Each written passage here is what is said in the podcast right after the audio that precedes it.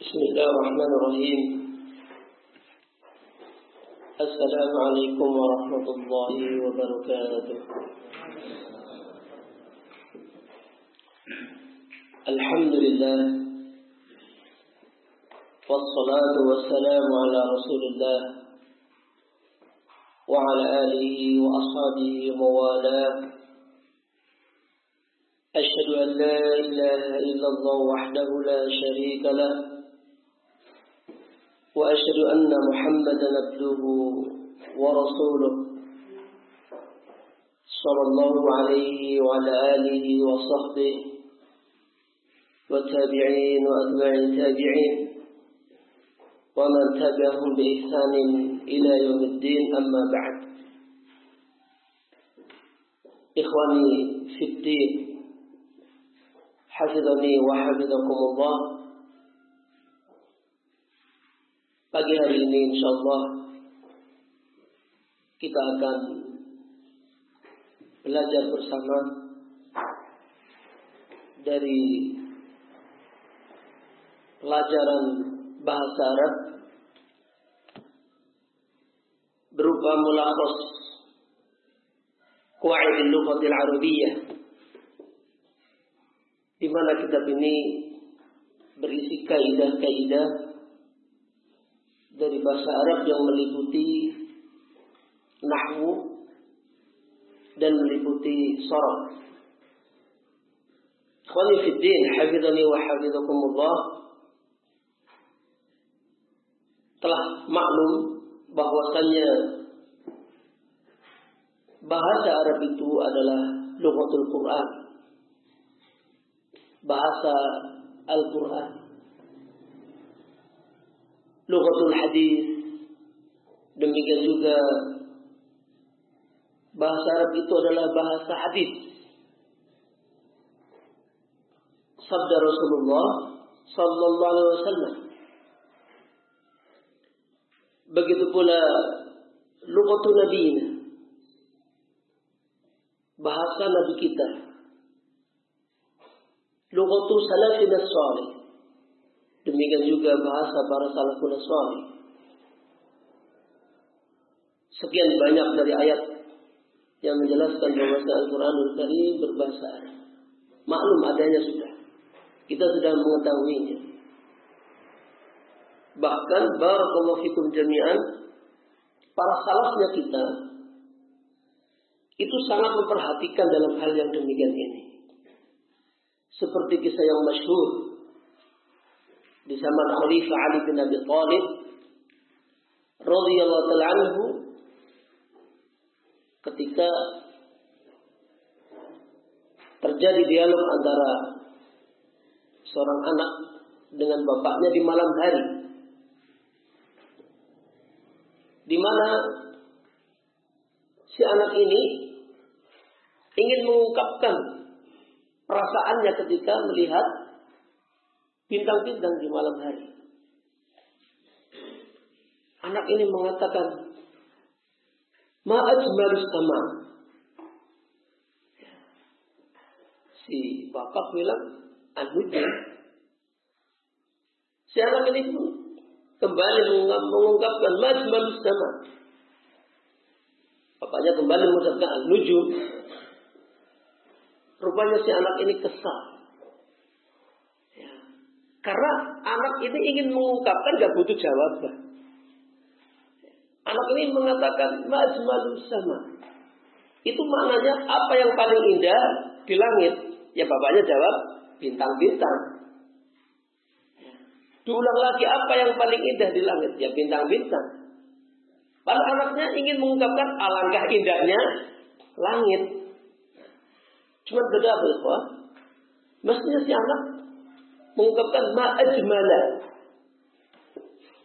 Tapi yang diungkapkan, yang diucapkan ma ajmalu. Beda apa di sini? Haramkan. Kejadian ini disampaikan kepada khalifah. Sehingga sangat prihatin kalau generasi sampai tidak paham akan bahasa Arab. Karena perubahan harokat itu dapat merubah arti. Sehingga Khalifah memerintahkan Abdul Aswad Ad-Du'ali untuk menulis kaidah-kaidah. Ya Abul Aswad, inha hadha nahwa. Wa Abul Aswad, berilah contoh seperti ini. Nah, sehingga ilmu ini dikatakan ilmu nahwu. Karena nahwu itu artinya adalah contoh. Misal. Wabillahi taufiq. Begitu pula sebelum dari Khalifah Ali bin Abi Thalib radhiyallahu anhu Khalifah yang kedua Umar Khattab pun sangat-sangat perhatian dalam bahasa Arab ini. Memerintahkan kepada al-aba, kepada orang tua, "Alimu auladakum al-arabiyyah, li'annaha juz'un min dinikum." Ajari anak-anak kalian bahasa Arab. Karena bahasa Arab ini adalah bagian dari agama kalian. Wabillahi taufiq. Ini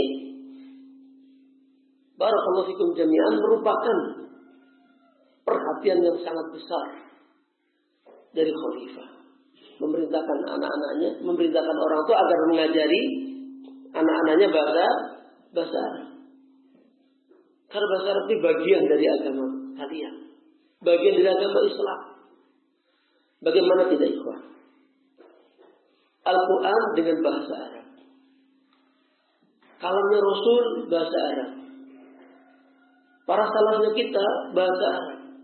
Bagaimana kita akan bisa memahami dengan baik kalau sampai tidak paham bahasa. Syekhul Islam Taimiyah rahimahullah taala menulis dalam kitab uh, Iqtida' Siratal Mustaqim mukhalafah an ashabil jahil terkait dengan bab ini. Bab tentang kewajiban untuk mempelajari bahasa Arab. Beliau rahimahullah membawakan kaidah la yatimul wajibu illa bihi wajib. Tidak akan sempurna suatu kewajiban kecuali dengannya maka itu menjadi wajib. Kewajiban kita selaku seorang muslim adalah mempelajari, memahami, mengamalkan apa yang ada dalam Al-Quran, apa yang ada dalam hadis Rasul yang sahih sallallahu alaihi wasallam. Maka untuk bisa memahami mempelajari, memahami dan mengamalkan dengan baik dengan kitab sunnah kecuali dengan memahami bahasa Arab maka memahami mempelajari bahasa Arab menjadi perkara yang wajib. Jadi kewajiban kita itu adalah mengamalkan Al-Quran. Dan seorang tidak mungkin akan bisa mengamalkan Al-Quran dengan baik kecuali dengan dia paham akan bahasa Arab. Sehingga mempelajari bahasa Arab menjadi sebuah kewajiban. Khanifidin hafidhani wa hafizakumullah. Generasi yang datang setelahnya juga demikian. Seperti katakan oleh Syu'bah. Syekhnya Al-Imam Bukhari rahimahullah ta'ala pun memberikan wejangan yang kuat sekali. Alimu ala rabiyyata. Pelajari oleh kalian bahasa Arab li'annahu tazidul aqla. Kalau bahasa Arab itu akan menambah pemahaman, menambah akal. Sehingga akan mudah untuk bisa memahami sebuah perkataan. Oleh sebab yang demikian barakallahu fikum bahwa saya mempelajari bahasa Arab ini adalah mempelajari perkara yang sudah diingatkan, sudah diwasiatkan. Apa yang dalam Al-Quran, dalam hadis, demikian juga apa disebutkan oleh para salafnya kita. Para ulama pendahulu kita. rahimahumullah jami'. Ikhwani fiddin, hafizani wa hafizakumullah. Kita akan mulai hari ini insyaallah dari kitab Mulakhas ini dan diharapkan untuk memiliki buku panduan yang saya baca supaya nanti kita bisa mengambil faidah dari bacaan dan penerjemahan demikian juga memahami isinya. Bagi yang belum punya bisa nanti memfotokopi atau mencatat. Ya, karena durasi kita kita bikin gak terlalu lama supaya materi bisa dipahami dengan baik. Ya, supaya bisa dipahami dengan baik. Dan ketika akan menghafal juga tidak terlalu banyak. Kalau menghafal jadi tidak terlalu banyak karena kita durasinya paling kurang lebih setengah jam.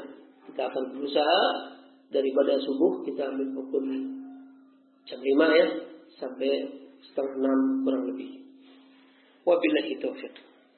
Khawani rahimani wa rahmukumullahu jami'an. Kita lihat dari kitab mulakhas ini di buku saya halaman 17. Qawaidun Nahwi yang pertama akan kita pelajari adalah Qawaidun Nahwi, kaidah kaidah tentang nahwi. Seperti sudah disebutkan tadi, di sini ada dua bagian. Yang pertama adalah qawaidun nahwi, yang berikutnya qawaidus sorfi, kaidah-kaidah sorot. Dan kita akan pelajari dahulu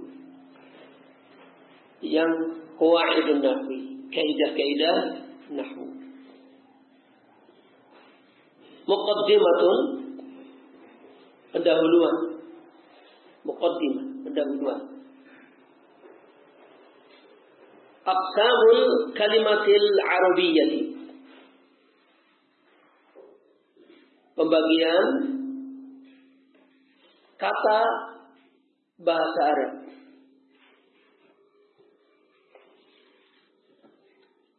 An-nahwu nahwu adalah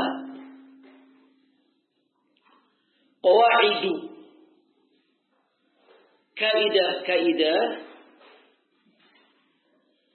yu'rafu biha akan diketahui dengan kaidah-kaidah tersebut. Wazifatu kulli kalimatin dakhilil jumlati. Tugas atau jabatan. Setiap kata yang masuk dalam sebuah jumlah. Wadabtu awakhiril kalimati. Dan harokat akhir dari kata. Wa kaifiyatu i'rabiha dan bagaimana mengi'rabnya. Oke. Ikhwani fiddin barakallahu fikum jami'an. Ini pengertian dari nahwu. Disebutkan yang pertama Nahu itu adalah berisi kaidah-kaidah. Dengan kaidah ini akan diketahui tugas atau jabatan setiap kata yang ada pada jumlah. Bisa difahami, saya kasih contoh. Misalnya, Zahaba Muhammadun ilal masjidi. Zahaba itu kata. Muhammadun itu kata. Ila kata. Al-masjidi itu kata. Nah setiap kata ini dirangkai menjadi jumlah Zaba Muhammadun ilal masjidi. Lah apa kaitannya dengan nahu? Lah nahu ini bersih kaidah-kaidah untuk diketahui dengan kaidah ini tugas masing-masing kata yang ada dalam jumlah. Misalnya, Zaba Muhammadun. Kenapa dibaca Muhammadun? Tidak Muhammadan, tidak Muhammadin. Bisa difahami? Ini pelajaran nahu. Oh, ini jabatannya sebagai uh, pelaku atau dikatakan fa'il. Itu namanya wazifah, jabatan. Oh, jabatannya sebagai fa'il. Fa'il kaidahnya adalah mafu. Ini sekedar contoh ya. Nanti ini pembahasannya uh, akan berlangsung insyaallah. Kenapa dibaca al-masjidi? Jabatannya sebagai apa? Mahfum? Ini yang dibalas dalam ilmu nahu. Sehingga nahu berisi kaidah-kaidah. Dan dengan kaidah ini akan diketahui jabatannya. Setiap kata yang ada pada jum, jumlah. Kenal? Yang kedua, wadabtu awakhiril kalimati dan harokat akhir dari sebuah kata. Harokat akhir sebuah kata. Muhammad itu sebuah kata. Harokat akhirnya apa? Oh dibaca doma. Muhammadun. Al-masjid, kenapa tidak dibaca al-masjidu? Ilal masjidi. Ya, dibaca ilal masjidi. Tadi, oh ini harokatnya menjadi kasrah. Bisa dipahami? Nah itu dibahas di kaedahnya. Untuk mengetahui harokat akhirnya. Mengetahui harokat akhirnya. Kemudian yang ketiga, wa kaifiyatu i'rabiha dan bagaimana mengi'rabnya. Inilah kelebihan yang ada dalam bahasa Arab. Ya, jadi tugasnya sebagai apa, diharokati apa, dan i'rabnya bagaimana. Sehingga ketika tiga ini dipadukan, itu sangat-sangat kuat ikhwah. Sangat-sangat kuat. Karena bisa jadi orang mengharapati salah, i'rabnya benar. Paham ya? ya? Dia sudah tahu ini fa'il, tapi dia terbingungkan. Kalau fa'il itu tandanya dengan apa? Ngertinya dia domah saja. Ya, waladani jadi waladanu jadinya. Karena ngertinya domah saja. Bisa jadi apa enggak? Bisa jadi ikhwan. Barakallahu fikum. Oleh sebab yang demikian, jadi tiga perkara inilah yang ada pada ilmu nah. Jadi jabatannya sebagai apa, harokatnya bagaimana, kemudian bagaimana cara mengikrobnya. Kami Watan qasimul kalimatul arabiyyatu salasata aqsamin watan qasimu dan terbagi. Al kalimatul arabiyatu. Kata bahasa Arab. Salasata aqsamin. Tiga bagian.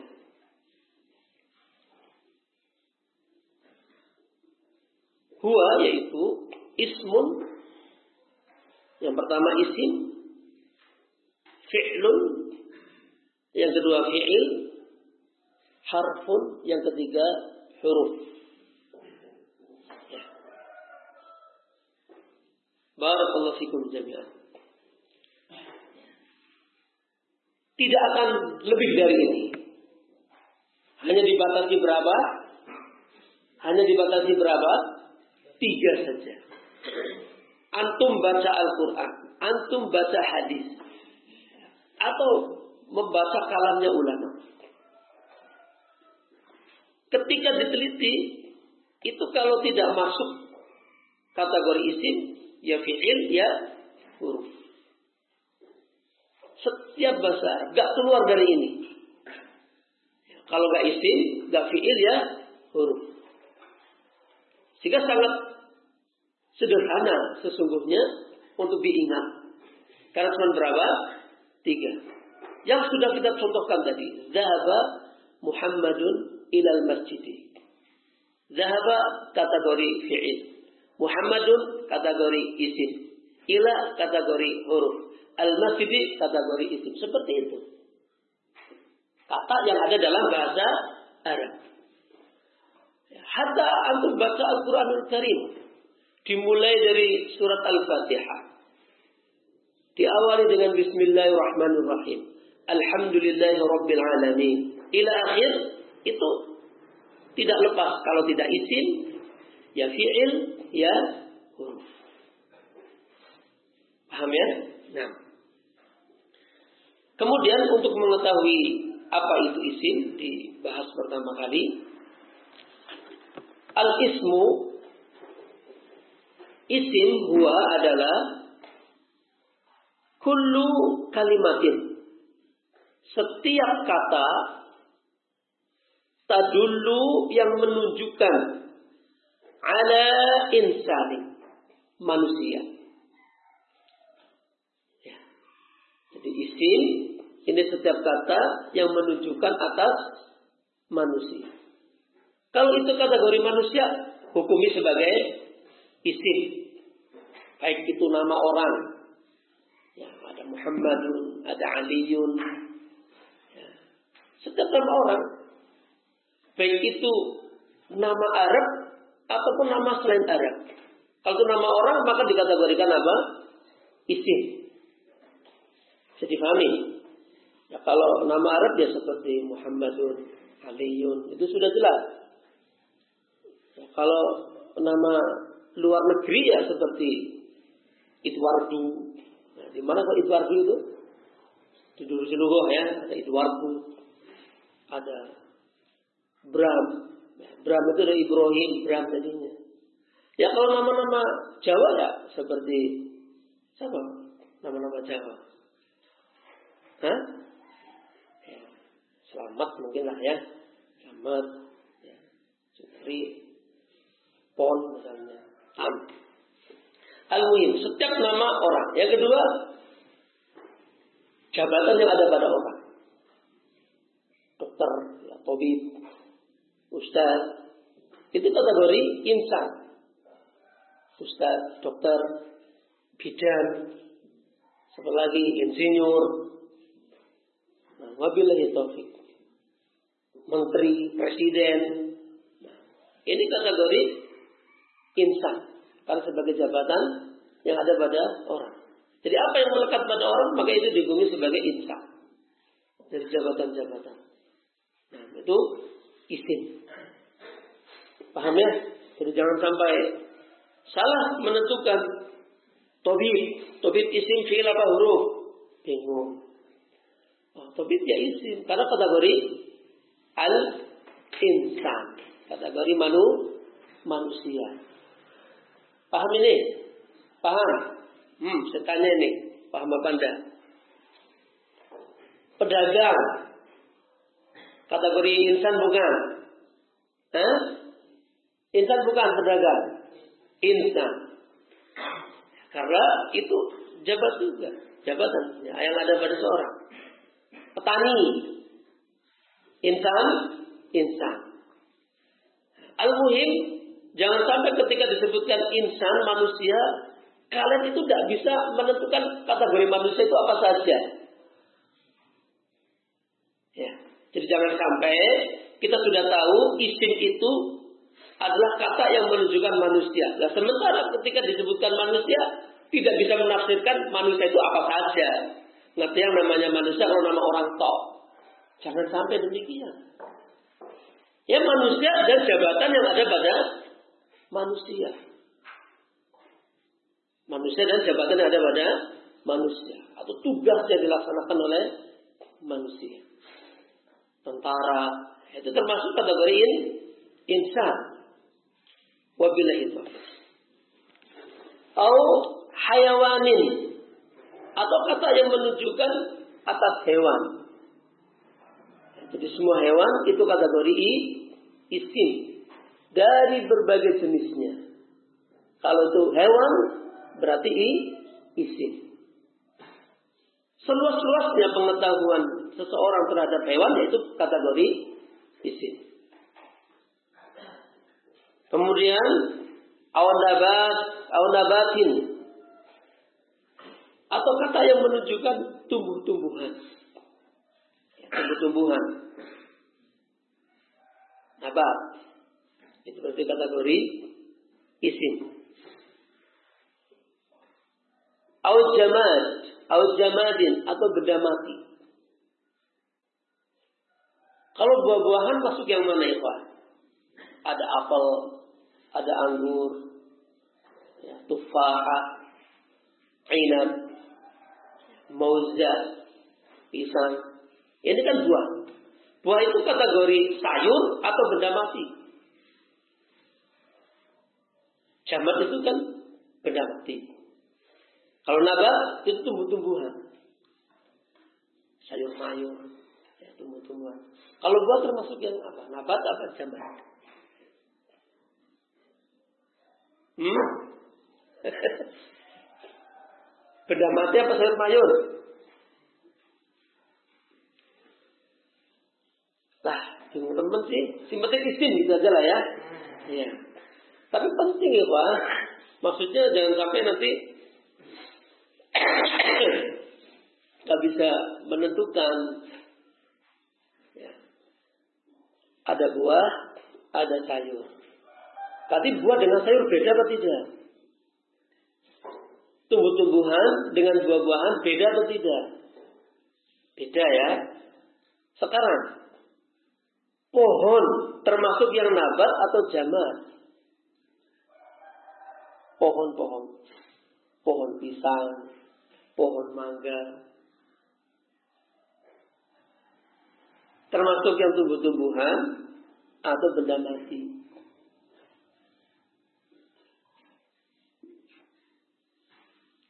KR lah ya. T.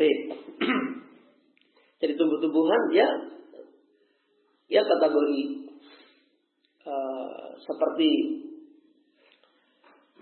apa ya istilahnya kalau tumbuh-tumbuhan ya sayur mayur itu termasuk nabat ya khudrat ya itu termasuk nabat tumbuh tumbuhan ada kangkung ada bayam uh, ada yang lainnya nah, kalau zaman ini adalah yang dikategorikan benda mati nah makanin atau tempat. Kalau ada kata yang menunjukkan tempat, berarti itu isim. Tempat yang menunjukkan tempat. Ada terminal, ada stasiun, ada masjid. Masjid itu tempat, tempat untuk sujud. Itu kategori tempat. Pasar tempat bukan itu. Pasar untuk transaksi jual, jual beli. Nah, menunjukkan tempat. Au zamanin atau menunjukkan waktu. Jadi kalau ada kata yang itu menunjukkan waktu, berarti dikategorikan isim. Ya kalau waktu ya seperti hari, itu waktu hari. Hari Senin sampai hari hari Ahad sampai hari Sabtu. Itu namanya zaman atau bulan, nama-nama bulan. Ini juga kategori zaman, waktu. Ya, dari bulan Muharram sampai bulan Dhul Hijjah. Dari bulan uh, Januari sampai Desember. Ini namanya zaman. Ya, pada subuh, pada maghrib, pada isya. Itu namanya apa? Zaman.